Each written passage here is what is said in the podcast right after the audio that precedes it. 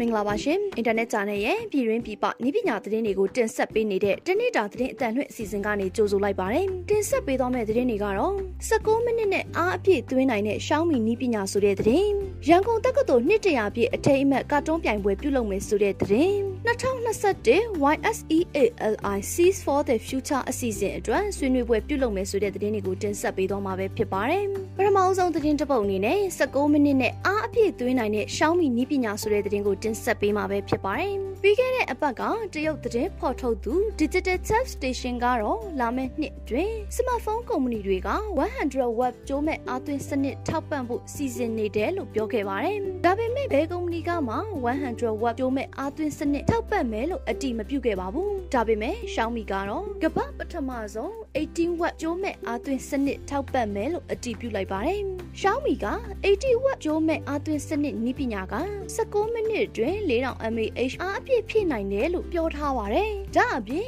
9မိနစ်ထဲနဲ့ battery 90ရာခိုင်နှုန်းအထိအားသွင်းပေးနိုင်ပါတယ်။ Xiaomi ကတော့ 80 watt အားသွင်းစနစ်ပါဝင်တဲ့ဖုန်းကိုတော့မထုတ်ပြန်သေးပါဘူး။လာမယ့်နှစ်အတွင်းထွက်လာမယ့် Mi Flagship ဖုန်းတစ်မျိုးမှပါဝင်လာနိုင်ပါတယ်။ဆက်လက်ပြီးရန်ကုန်တက္ကသိုလ်နှစ်တရာပြည့်အထိမ်းအမှတ်ကာတွန်းပြိုင်ပွဲပြုလုပ်မယ်ဆိုတဲ့သတင်းကိုတင်ဆက်ပေးမှာပဲဖြစ်ပါတယ်။2020ပြည့်နှစ်ဒီဇင်ဘာလ1ရက်မှာကြာရောက်မယ်။ရန်ကုန်တက္ကသိုလ်နှစ်တရာပြည့်အထိမ်းအမှတ်ကာတွန်းပြိုင်ပွဲကိုရာပြည့်တက္ကသိုလ်မြကျွန်းညိုခေါင်းစဉ်နဲ့ကျင်းပပြုလုပ်သွားမှာပဲဖြစ်ပါတယ်။ရန်ကုန်တက္ကသိုလ်ကြီးရဲ့တာယာလှပမှုများအေးချမ်းပျော်ရွှင်မှုများကြည်နူးဝမ်းမြောက်ဖွယ်ရာများ နိုင်ငံကုံဆောင်တက္ကသိုလ်ကြီးတွေအဖြစ်တမိုင်းအစဉ်အလာကြီးမားခဲ့မှုများနဲ့နိုင်ငံကုံကိုမြင့်တင်ပေးနိုင်ရေးစ조사ဆောင်ရွက်ရန်လိုအပ်ပုံတွေကိုဖော်ညွှန်းရေးဆွဲရှင်ပြိုင်ရမှာဖြစ်တယ်လို့သိရပါတယ်။ပြိုင်ပွဲသို့မိသူမဆိုပါဝင်ရှင်ပြိုင်နိုင်ပြီးတော့ပြိုင်ပွဲဝင်တဦးလင်ပုံနှိပ်ဖော်ပြခြင်းမရှိသေးတော့ကာတွန်းသပုံသာပါဝင်ရှင်ပြိုင်ရမှာဖြစ်ပါတယ်။ပြိုင်ပွဲဝင်ကာတွန်းတွေကိုလက်ဖြင့်ဖြစ်စေ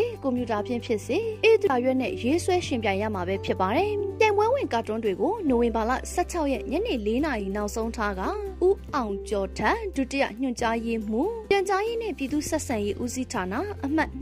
228တိမ်ပြူလန်ဗိုလ်တထောင်မြို့နယ်ရန်ကုန်မြို့သို့ဆက်သွယ်ပေးပို့ရမှာပဲဖြစ်ပါတယ်။နောက်ဆုံးသတင်းတစ်ပုဒ်အနေနဲ့2021 YSEALI Seas for the Future အစီအစဉ်အတွက်ဆွေးနွေးပွဲပြုလုပ်မယ်ဆိုတဲ့သတင်းကိုတင်ဆက်ပေးမှာပဲဖြစ်ပါတယ်။ 2021 YSEALI Seas for the Future အစီအစဉ်ရှောက်ထားလို့သူတွေအတွက်ဆွေးနွေးပွဲကိုအော် တိုဘာလ22ရက်ညနေ6နာရီခွဲမှာကျင်းပသွားမှာဖြစ်တယ်လို့အော်တိုဘာလ28ရက်နဲ့နိုဝင်ဘာလ4ရက်တွေမှာလည်းကျင်းပသွားမယ်လို့သိရပါတယ်။ဝက်ဘနာအစီအစဉ်မှာ YSEALI Seas အစီအစဉ်အတွက် Civic Engagement Education Economic Growth နဲ့ Sustainable Development ဆိုပြီးတော့ခေါင်းစဉ်၄ခုရှိတဲ့အထက်မှာတင်းရဲ့ရှောက်လွာကထူးထူးခြားခြားဖြစ်နေအောင်ဘယ်လိုရေးမလဲတင်းရဲ့ project အတွက်တသက်ရရနဲ့ယုံကြည်စိတ်ချရမှုအပြည့်အဝရှိစေမဲ့ budget